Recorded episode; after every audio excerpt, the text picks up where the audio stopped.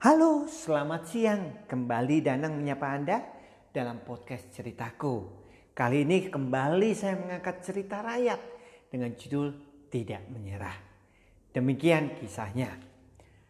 Alkisah adalah sekelompok kata berhasil menembus hutan. Kecuali dua kata yang jatuh ke dalam lubang yang sangat dalam. Kata-kata lainnya berkumpul mengelilingi dan melihat betapa dalamnya lubang itu. Mereka berteriak kepada kedua katak yang terjatuh. Kalian tidak akan pernah bisa keluar dari sana hidup-hidup. Kalian sudah mati. Jadi jangan buang-buang waktu untuk mencoba. Bagaimanapun, kedua katak di dalam lubang mengabaikan semua seruan kata-kata lainnya. Kedua kata ini mencoba yang terbaik untuk melompat keluar.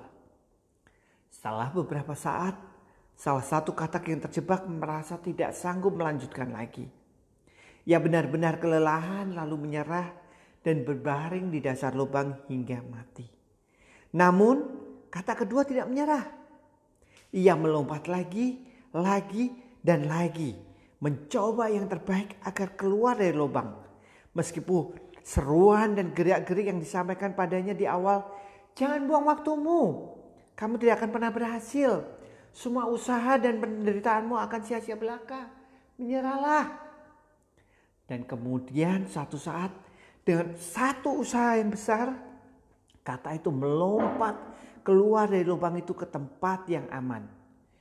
Bagaimana kamu melakukannya? Tanya kata-kata lain dengan takjub. Lubang itu begitu dalam. Kata itu menjawab mereka dalam bahasa isyarat karena ia tuli. Ia tidak mendengar apa yang mereka teriakkan dan menganggap gerak-gerik mereka sebagai dorongan semangat. Nah, teman, mungkin kita pernah ada dalam kondisi seperti saat ini. Mungkin kita pernah mengalaminya, bahkan mungkin saat ini masih mengalaminya. Saya mengajak kita untuk merenungkan cerita ini. Kira-kira kata yang mana yang mau kita tiru? Pilihannya ada di tangan Anda. Salam sukses untuk Anda dan jika Anda merasa cerita ini membantu Anda, tolong bagikan kepada yang lainnya supaya membawa manfaat. Oke, sampai ketemu di episode berikutnya. Terima kasih.